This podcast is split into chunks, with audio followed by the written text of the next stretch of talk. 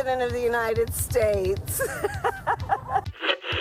It's been both frustrating and alarming.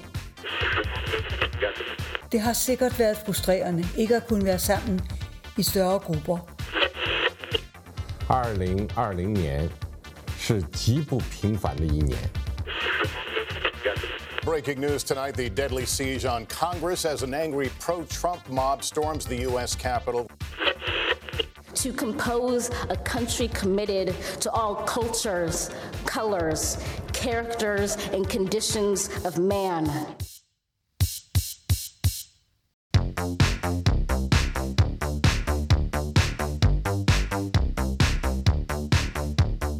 Góðan dag, kæru hlustendur, þeir að hlusta á heimskviður. Ég heiti Guðmundur Björn Þorbjörnsson. Og ég heiti Birta Björnstóttir. Í heimskviðum er fjallað um það sem gerist ekki á Íslandi. Eins og stundum er sagt að sögur af andlátengurs séu stórlega yktar var ekki mikill fótu fyrir því að heimskviður eruðu teknar af dagskrá rásar 1. Nei, hér erum við mætt á ný, tveimur mánuðum eftir að tilkynnt var um það að þátturinn er þið settur á ís vegna niðurskurðar og réttum mánuði eftir að síðasti þátturinn fór loftið. Viðbröð ykkar hlustendur góður við þeirri niðurskurða fregnaði sitt að segja og nú erum við komin aftur til að segja ykkur sögur utan úr heimi. Þátturinn verður þó með aðeins öðruvísi sniði. Hann verður stittri en þeir eigið að venjast en við kappkostum við að flytja ykkur áfram vandar fréttaskýringar af því sem gerist ekki á Íslandi. Og við byrta munum áfram njóta liðsina fyrir um heimskviðir liða en þó kannski ekki hverjum þætti. Og svo eru við þetta á nýjum tíma, strax að loknum hátegisfréttum á lögutugum. Og auðvitað áfram í spilaranum og öllum helstu hlaðvarpsveitum. Hér síðar í þættinum ætlum við að fjalla um einn umfangsmestu réttarhöld í sögu Ítalju. Sakbortingarnir eiga það sameilegt að tengjast með einum eða öðrum hætti ítölsku mafíinni. En ætlum við verðum ekki að byrja í bandaríkjun. Jú, það verður líklega ekki hjá því komist. Eitt og annað hefur gerst í bandaríkjunum og stjórnmálunum þar er landi síðan síðasti heimskuði þátturinn fór í loftið fyrir tæpum mánuði. Og því við hæfi að hefja nýja þátturöð á ítalegri umfjöldunum atbyrði síðustu vikna Vestanhafs. Fasta gestur þáttarins, Donald Trump, er ekki lengur fósiti bandaríkjana og við er tekin ný stjórn Joe Bidens sem á ærið verk fyrir höndum. En leið Bidens síðustu vikur að kvítahúsinu var sannarlega ekki greiðfær.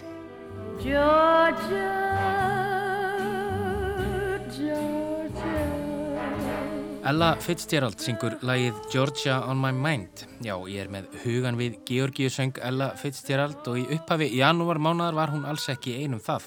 Ella Fitzgerald er reyndar lungu gengin á fund maðra sinna, en þið veitir hvað ég við.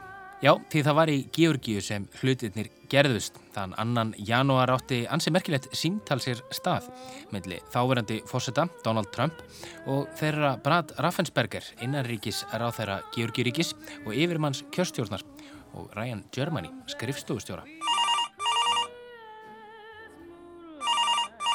Já, í símtælnu heyrist hvar fósittin hvetur Raffensperger ítrekað til þess að gera allt sem í hans valdi stendur til að breyta talningun í ríkinu frá því fósittikostningunum í haust. Washington Post hefur byrt upptöku af samtælun í heilsinni. Hello, Brad and Ryan and everybody. We appreciate the time and the call. Um, so we've spent a lot of time on this and Komið sælir, Brad og Ryan, segir fósittin. Það er morgun ljóst að við unnum í Georgi, segir hann. pretty clear that we won. We won very substantially, uh, Georgia. Uh, you even see it by rally size, frankly. We'd be getting 25, 30,000 people a rally, and uh, the competition would get less than 100 people, and it never made sense. Já, Trump segir hérna að það sjáast meðal annars á því hver margir mættu á útifundi fósittans. 25 til 30.000 manns, segir hann, á meðan aðeins um 100 manns hafi mætt á fundi Bidens. Þess ber reyndar að geta Trump hefur ítrekkað talað gegn grímunótkun, gert lítið úr heimsfaraldri kórnuveiru og hann kvatti byrlinis stuðnismenn sína til að fjölmenna á útifendi á meðan kostningateimi Bidens gerði hið gagstaða. En gott og vel, þetta voru ekki einu rauk þáverandi fórseta fyrir því að brauð hafi verið í tabli í Georgi og að hann en ekki Biden hafi raun unnið sigur í ríkinu. Hann held í einnig fram að átt hafi verið talningavélar og bylinu 250 til 300.000 atkvæði sem hafi átt að falla republikunum í skaut hafi glatast. We have won this election in Georgia based on all of this. And there's, there's nothing wrong with, with saying that, Brad. You know, I mean, having, the, having a correct, you, the people of Georgia are angry. Við unnum þessar kostningar, Brad, segir hann. Og það er nákvæmlega ekkert að því bratt að segja fólki að þið hafið talið atkvæðinu på nýtt, segir fósittin. Raffensberger svarar honum og segir því miður herra fósitti vandin er sá að þínar upplýsingar eru rángar. Well, Mr. President, the challenge that you have is the data you have is wrong. En Trump lætur ekki þarfið setja. Now, do you think it's possible that they uh, shredded ballots in uh, Fulton County? Because that's what the rumor is. And also that Dominion took out machines. Er ekki mögulegt að atkvæðið hefði verið reyfin í Georgi og átt hafi verið við talningavílarnas? Spyr hann. Ryan Germany svarar honum og segir að ekkert hafi verið átt við vílarnas. No, Ryan Germany. No, Dominion has not um, moved any machinery out of Fulton County. We're having. Well, but no, but but have they moved? Have they have they moved the inner parts of the machines and replaced them with other parts? No. You sure, Ryan? I'm sure. Já, svona gekk þetta næstu í klukkustund að langa símdal. Trump virtist fyrir munið að skilja hvers vegna hans menni Georgíu gætu einfallega ekki fiffa þetta eins og fundið eða sagstafa fundið þessi rúmlega 11.000 atkvæði sem fórsetan vantað upp á. Og þetta var náttúrulega ekki það eina sem átti sér staði Georgíu þessa dagana. Nei, heldur betur ekki, því á sama tíma og Trump var að reyna að fá sína menni í Georgíu til að hagraða úslitum kostningana var nefnilega kosið um tvö öldungadeildaþingsæti í Georgíuríki í annað sinn á tveimur mánuðum. Þar sem svo mjótt var á munum í kostningum til öldungadeildaþings í ríkinu í november þá þurfti að kjósa á nýjanleika en það fekk engin frambíðandi helming eða meira af greitum aðkvæðum. Þessar kostningar í Georgíuríki upphafi þessa mánadar skárið því úr um hvort Joe Biden, þá verðandi fórsiti, kæmi til með að njóta stuðnings meiri hluta demokrata í öldungadeildinni á næstu fjórum árum. Í Georgiu er kostningafyrirkomulagi nefnilega með öðrum hætti en í öðrum ríkjum. Fái engin frambjóði 50% kostningu eða meira þá þurfa efstu tveir frambjóðunar að keppa um hyggli kjósend á nýjanleik. Einmitt. Því meðfram fórsetakostningunum árkvært er nefnilega einni kosi til öldungadeildathings og í haust fengur republikanar 50 sæti af 100 í öldungadeildinni og demokrater 46 sæti á landsvísu. En þar sita líka tveir óháði þingmenn, þeir Bernie Sanders og Angus King, sem hafa venjulega kosið með demokrautum og stutt þeirra frumverf í þinginu. Demokrata þurftu því tvo þingmendi viðbúta til að ná upp í 50 atkvæði og það var einmitt í Georgiu sem þessi tvö þingsæti voru enn í bóði í byrjun mánadar. Úslita atkvæði fellur svo í skaut Kamala Harris þáverandi varafósita og eðli málsins sangkvæmt kýs hún væntalega með demokrautum. Þessi flétta demokrata gekk upp og demokratinni Raphael Warnock og John Ossoff hreftu þingsætin lausu en republikanir David Perdue og Kelly Loeffler sátu eftir með sárt ennið. En þá var ballin náttúrulega bara rétt að byrja. Oh, beautiful for spacious skies for amber waves of grain Við erum stödd fyrir framann kvítahúsið í Washington D.C. þann 7. januar. Warnock og Ossoff hafa líst yfir Sigri í Georgiuríki og stuðningsmenn Donald Trump fórseta eru farnir að ókýrast. Síðar sama dag mun öldungadeildin staðfesta niðurstöður fórsetakostningana og lýsa Joe Biden réttmætan sigurvera þeirra. Um hátegispil ávarpaði Trump stuðningsmenn sína fyrir framann kvítahúsið og þar mótti heyra kunnuleg stef. It would be really great if we could be covered fairly by the media. The media is the biggest problem we have as far as I'm concerned. Single biggest problem. Já, demokrata hagrættu úrslitum. Kostningarna, fjölmiðlar, flytja, falsfrettir og stóru tæknirisarnir Google, Facebook og Twitter eru með þeim í liði. Þessar kostningar eru nexli, sagðan. Like og orð Trumps í kjölfar kvartninga orða hans til stuðnismanna sinna á Twitter dagana undan virkuði sem ólíja á eld. Fjöldi fólks hafi sapnast saman fyrir utan þingúsið rétt eins og Trump hafi kvart til og þessi stuðningsmenn fósittans voru alls ekki á því að öldungadeildin myndi lýsa yfir Sigri Joe Biden. Um tvöleitið var fjöldin orðin gríðarlegur. Lauruglumenn reynduð að halda mótmælendum frá en þeir ruttust inn fyrir kýrðingar og fljótt var orðið augljóstar laurugla og öryggislið réði ekki við mannfjöldan.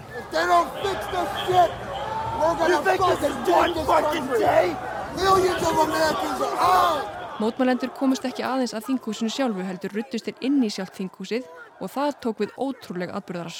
Emitt, æstur múrin hafi komist inn í sjálfan þingsalin og inn á skrifstofur þingmanna sem hafi þá verið komið í örugt skjól. Hortsteitt bandarísks líðræðis hafi verið lagt að velli af nokkur hundruð æstum mótmælendum. Þegar þessir ótrúlegu atbyrðir hafði átt sér staðum nokkra stund hafði enn ekkert heyrst frá fósettanum sjálfum. Joe Biden, verðandi fósetti, ávarpaði þá bandrækjumenn og fósettan sjálfan beint. Hann kvatti Trump til að gefa út yfirlýsingum í sjónvarpi, ekki setna en strax og skipa sínu fólki að hætta. This is the United States of America. There's never, ever, ever, ever, ever been a thing we've tried to do that we've done it together. We've not been able to do it. So, President Trump, step up. Og Trump svaraði kalli Bidens, ekki þó með sjómasáarpi, heldur með myndskeiði á tvitt þar sem hann ávarpaði stuðnismenn sína, mótmannenduna á sinn einstakahátt. I know your pain. I know you're hurt. We had an election that was stolen from us. It was a landslide election, and everyone knows it, especially the other side. But you have to go home now. We have to have peace. We have to have law and order. We have to respect our great Hann saði þeim að hætta, ofbeldi væri aldrei lausnin og svo frammeðis, en hann var samt fullur samúðar gagvartem. Kostningarnar voru jú helgirnar skandal. Hann skilur þau og hann elskar þau. So go home. We love you. You're very special. You've seen what happens. You see the way others are treated that are so bad and so evil. I know how you feel. But go home and go home in peace. Til að gera langa sögustutta var þingmönnum að endingu fyllt afturinn í þingsalinn í fyllt lögreglu og hermana sem voru gráir fyrir hjárnum. Og Mike Pence var að fórsiti bandarækjana og fórsiti þingsins settist í pontu og fordæmdi þá atbyrði sem hefði átt sér stað klukkustundirnar á undan. Áfram með smjörið sagði Pence og því hlítu öldugadelda þingmennir. Loks var Sigur Joe Bidens í fórsetakostningunum í november staðfestur og hans er erfið um sólarhingi lífi Mike Pence hins hundtrykka var að fórseta Trumps að ljúka.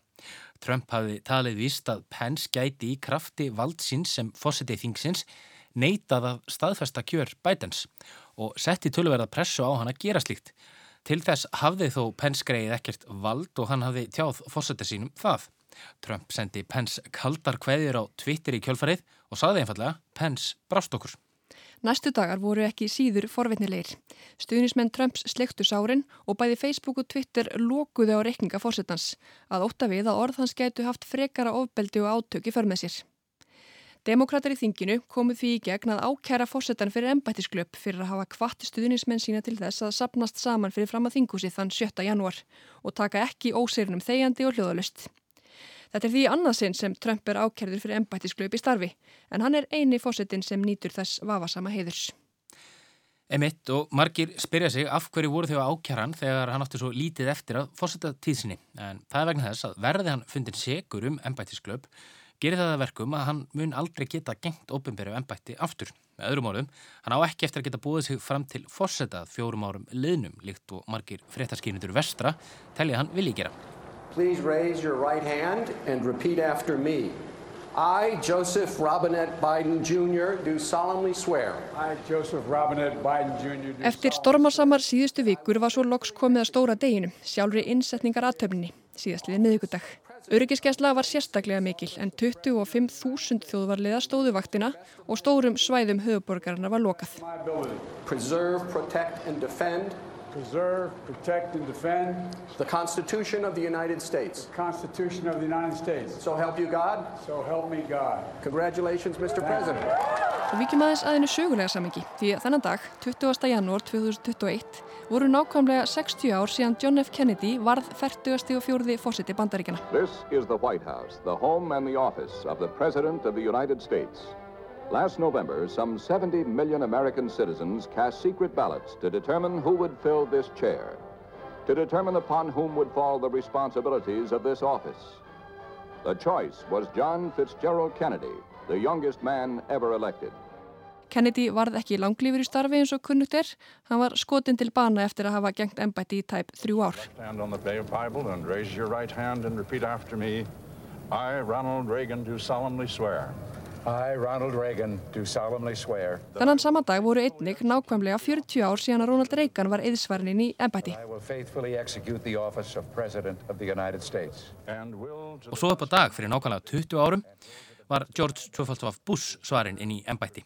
Í ræðusinni fyrir 20 árum tók Bush sérstaklega fram að það veri ekki sjálfgefið að valdaskipti færu friðsamlega fram, en það væri þó raunin í bandaríkjunum. The peaceful transfer of authority is rare in history, yet common in our country. With a simple oath, we affirm old traditions and make new beginnings. As I begin, I thank President Clinton for his service to our nation. Eins og heyram á þá þakkaði Bush auk þess forvera sínum Bill Clinton fyrir þjónustu sína við land og þjóð. Og það er einmitt akkurat þetta sem Bush nefndi fyrir nákvæmlega 20 árum sem er áhugavert að staldra við þessum síðustu verstu tímum. Því Donald Trump, fráfærandi fórseti, var hverki sjáanlegur við aðtöfnin á miðugudag og valdaskiptin í Washington, já, það er nú seint hægt að segja að þau hafi farið mjög friðsamlega fram þótt að ekkit alvarlegt hafi gerst þennan dag. Akkurat. En svo hóst bætan handa þá og þegar ekki satt?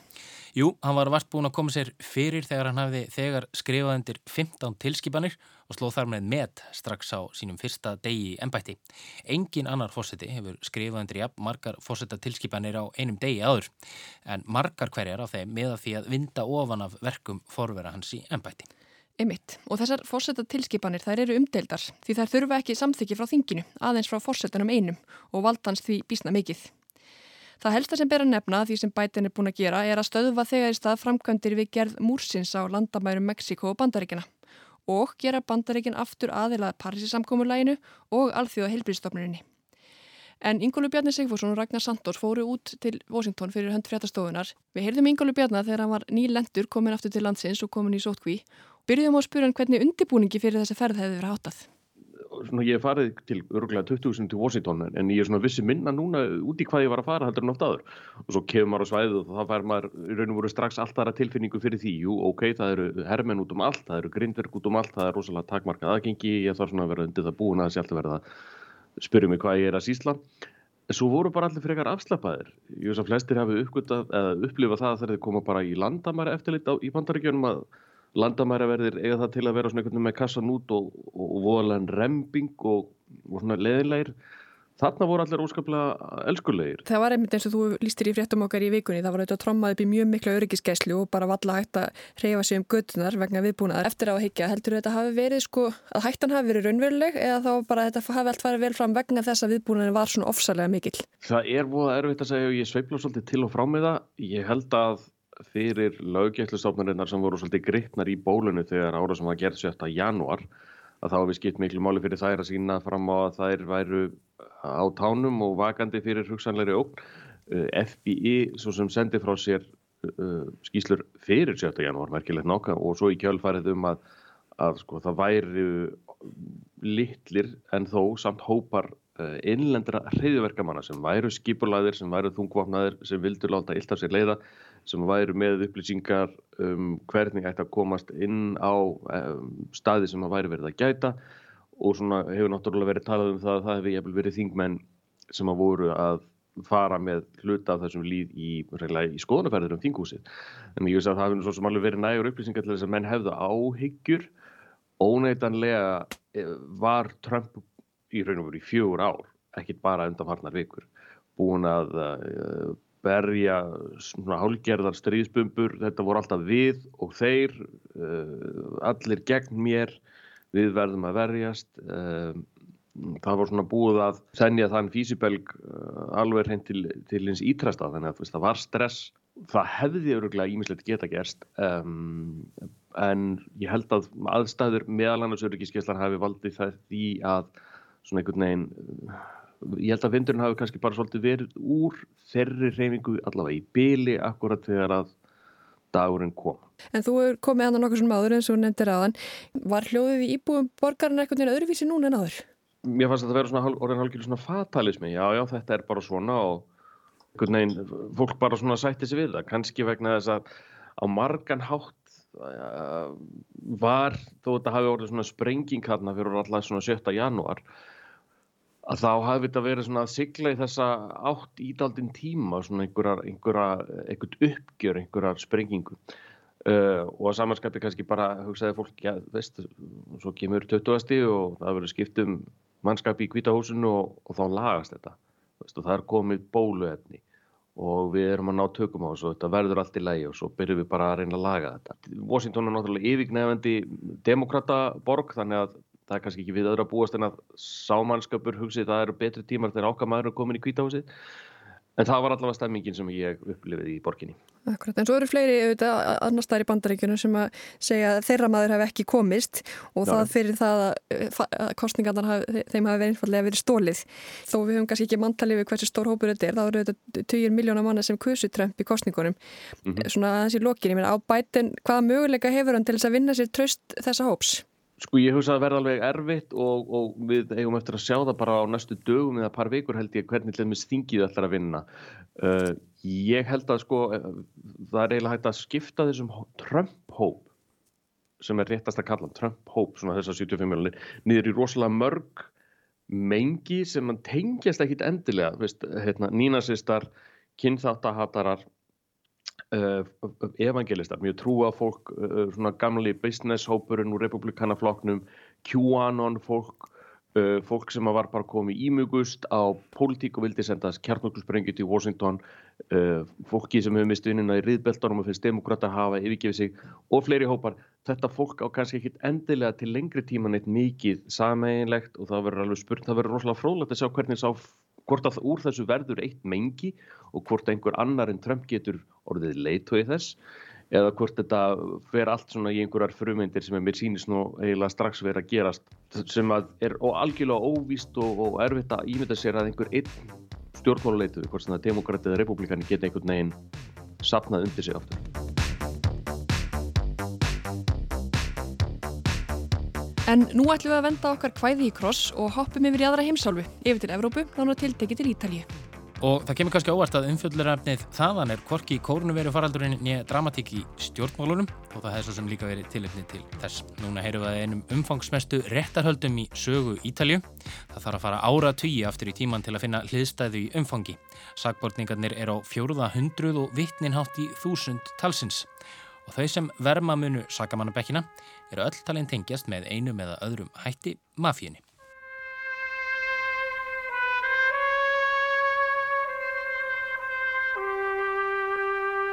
Já, já, það er líklega umtalsverð klísi að spila tónlist Nino Róta úr myndunum um Guðföðurinn undir umfjöldunum ítölsku mafíuna. Þetta er bara svo góð tónlist svo að það fyrirgefst vonandi. En það er mafía til umfjöldunar hér. Nánatiltækið Undrangieta mafían. Mafíur eru eins og aðrir flokkar í dýraríkinu. Það er deila ymsum einkennum í grunninn og þeim er skipt upp í mismunandi fjölskyldur. Eins og aðrar fjölskyldur hugsa að mafíufjölskyldur oftast velum sig og sína og standa saman. Ólíkt öðrum fjölskyldum, allavega sumum, eru mafíur þó í grunninn glæpasamtök. Eitulefja sjálfa peningaþvætti, hótanir og morð, mannrán og smyggl flokkast líklega sent sem hefðbundin fjölskylduverkefni en eru meðal ákjara sem tekna verða fyrir í réttarhöldunum sem hóist á dögunum. Mancuso fjölskyldan er þarna í fórgrunni en fjölmarkar aðrar fjölskyldur tengjast þeim og starfa undir hatti undrangaeta mafíunar. Höfuð við í hennar er í Calabria hér að þið siðst á Ítalju. Og þetta eru engin smávegis réttarhöld, þau ganga undir heitinu Maxi réttarhöld. Þetta eru meira að segja næst umfangsmestu réttarhöldin í sögu Ítalju. Þau umfangsmestu voru reygin fyrir dómstólunum á árunum 1986 til 1987 gegn sikileisku mafíunni. Sagbortningar voru þá 475, 338 hlutu dóma í kjölfarið. Og nú á sömulegis að tjálta öllu til. Sagbortningarnir í þessu sinni eru 355 talsins. Kórnuveru faraldurinn verður óhjákvæmlega leikstjórn í því hvernig þetta fer allt fram. Það er búið útbúa nýjan dómsal í gömlu símaveri í bænum La Mezzia Terme í Calabria hér aði. Þar komast fyrir um 1000 manns með hæfrekt bil á milli sín. Þá er sömu leiðis búið að koma upp eins konar búrum eða fangaklefum inn í hennum nýja dómsal þar sem sagbortninga verða vistaður á meðan á réttarhaldunum stendur. Þrátt fyrir umfangið mun hluti sagbortninga mæta fyrir dómara í gegnum fjarfundabúnað. Og sagbortningarnir eru ekki bara vaskritir mafjósar með gullkeður eins og í bíómyndunum. Þeir eru sömuleiðis fyrirverandi málsmetandi menn úr stjórnmálum og annari stjórnsíslu í Kalabria og reyndar víðar.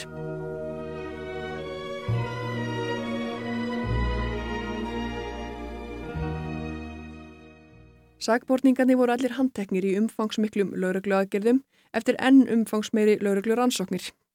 Þær hófust árið 2016 og náðu yfir gjörfalla Ítalji og reyndar víðar. Eftir rannsóknina standa um 24.000 upptökur á samtölum og símtölum fólks, lagt fram sem sönnunagögn í málunu á samt vittnisspurði allra þeirra tæplega þúsund sem eru á vittnalista.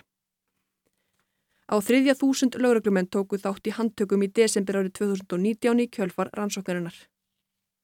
Eða sérsveitamenn öllu heldur, þeir tilhera sveit sem kallast kakiatóri eða veiðimenninir.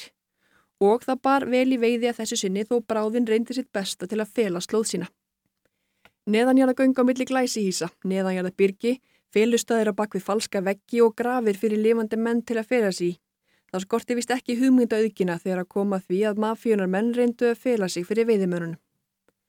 Fyrir um þingmaður, lauruglustjóri og menn úr stjórnsíslu og viðskiptum voru sömu leiðis handteknir í Þískalandi, Sviss og Búlgaríu, grunaður um liðveslu við mafíuna og nú á að rétta yfir þeim öllum í réttarhöldum sem eru kölluður ína síta sem gæti útlagst á íslensku einfallega endur fæðingu eða upprýsa. Því mörg vonast til þess að uppræta það samfélagsmein sem hinn rótgrónu glæpa samtök sannarlega eru. Þar stendur í stafni Nikola Gratteri, sagsóknari og mafíu sérfræðingur. Hann hefur gert það æfistarfi sínu að reyna að kneseta mafíuna.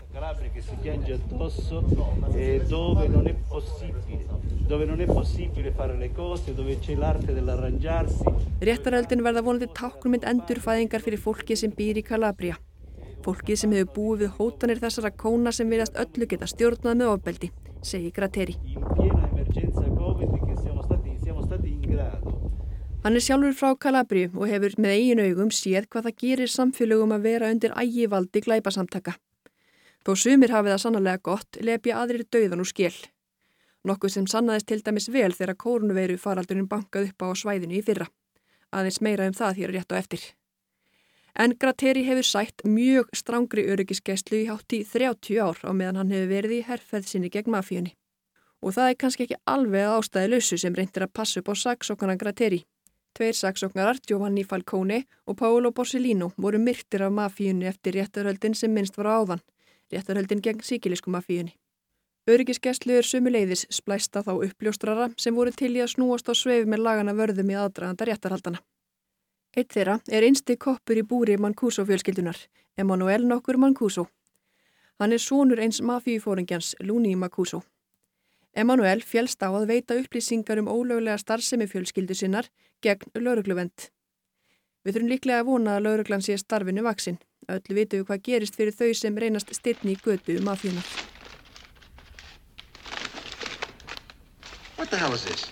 It's a Sicilian message. It means Luca Brasi sleeps with the fishes. Allavega fór það þannig fyrir Luca Brasi í Guðföðurnu.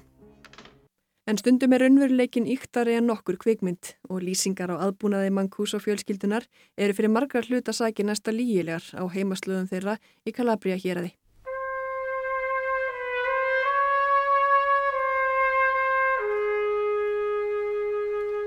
En það reyndar ekki bara á því svæði sem mafían hefur tryggt stöðu sína. Þessi skipulaða glæpastar tegir ánga sinna langt út fyrir landsteinuna sömu leiðis.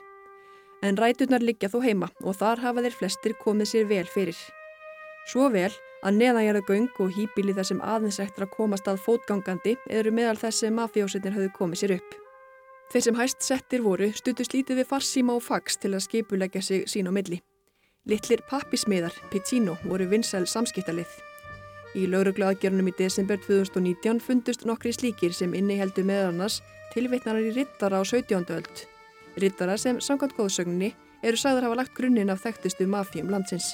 Meðal annars þeirrar sem kendi við síkilei og þeirrar sem eru með umfyllunar hér, undan Greta. En þrátt fyrir að búa sem innsettumenn í óbyggðum og eiga samskipti í gegnum bladasnifsi, náðu mafjósunir að þvætta miljónir efra, selja eiturif og allt hitt sem nú er getið um í ákjárunum.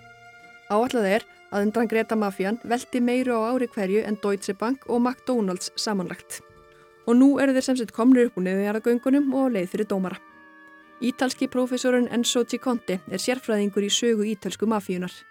Hann segir rétturöldi núna mikilvæg fyrir margra hlutasakir. È importante esattamente per questa ragione. La famiglia Mancuso in tutti questi decenni ha occupato Mancuso fjölskyldan hafi ráðið lögum og lofum allt of lengi. Þau hafi tryggt stöðu sína með góðu sambandi við pólitíkusa á svæðinu og fest sér í samfélaginu með fjáraustri. Fyrir ágóð af peningaþvætti og eitthulefi sölu hafi fjölskyldan keft fastegnir og landsvæði og hafi getað skipt sér að uppbyggingu og öðrum skipulasmálum á svæðinu.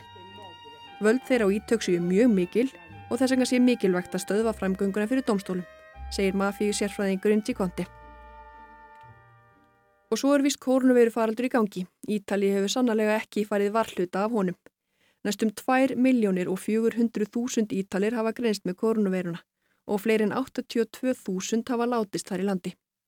Á Ítalíu búa ríflega 60 miljónir. Kórnuveirufaraldurinn setur marksitt á réttarhöldin eins og áður sagði, en réttarhöldin tengjast kórnuveirufaraldurinn líka að öðru leiti. Því hefur verið haldið fram að Kalabria hér að glými við tvennskonar faraldra, COVID og mafíuna. Setni bylgja faraldursins hefur lagst þungt á Kalabria hér að. Hér aðeins sem næri við svæðið á tanni ef við notum samlíkinguna að Ítalija sé eins og háhælað stígvili læginu. Svæðið var mert rauðum lit neyðarástans í november vegna hraðrar útbreyslu smita og álags á sjúkrahúsin á svæðinu. Suðurluti Ítalíu er fáttakari, verð kostum búin að mörgu leiti en norðurlutin, þar sem ástandi var vest í fyrstu bylginni.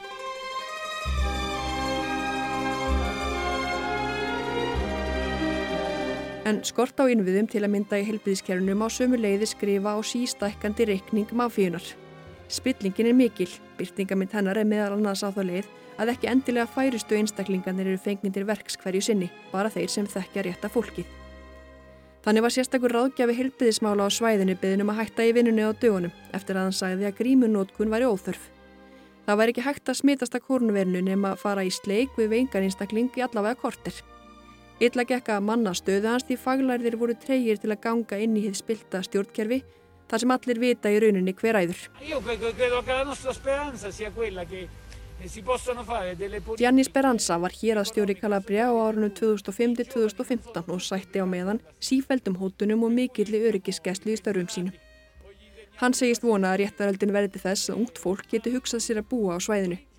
Það flýi ekki allt undan ægivaldi mafíu og spillingar og þeir einu sem siti eftir síu eftirlauna þegar og aðrir sem ekki komist í burtu.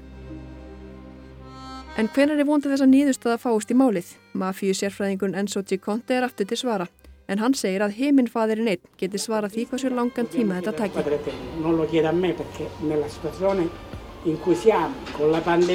Hann segir að vegna heimsfaraldurs og almennri framvindu mála í ítalska réttarkerfinu sé ómögulegt að spá fyrir um hvaða tekur langan tíma að leiða málinn til lykta. Sá hæstráðandi á himnum sé sá eini sem geti sagt eitthvað til um það.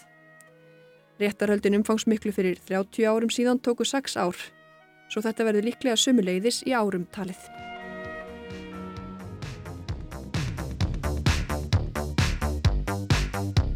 Heimskuður verð ekki fleiri þessa vikuna. Þátturinn er einnig aðgengilegur í spilaránum og öllum helstu hlaðvarpsveitum. En við þakkum þeim sem hlýttu og heyrumst aftur í næstu viku.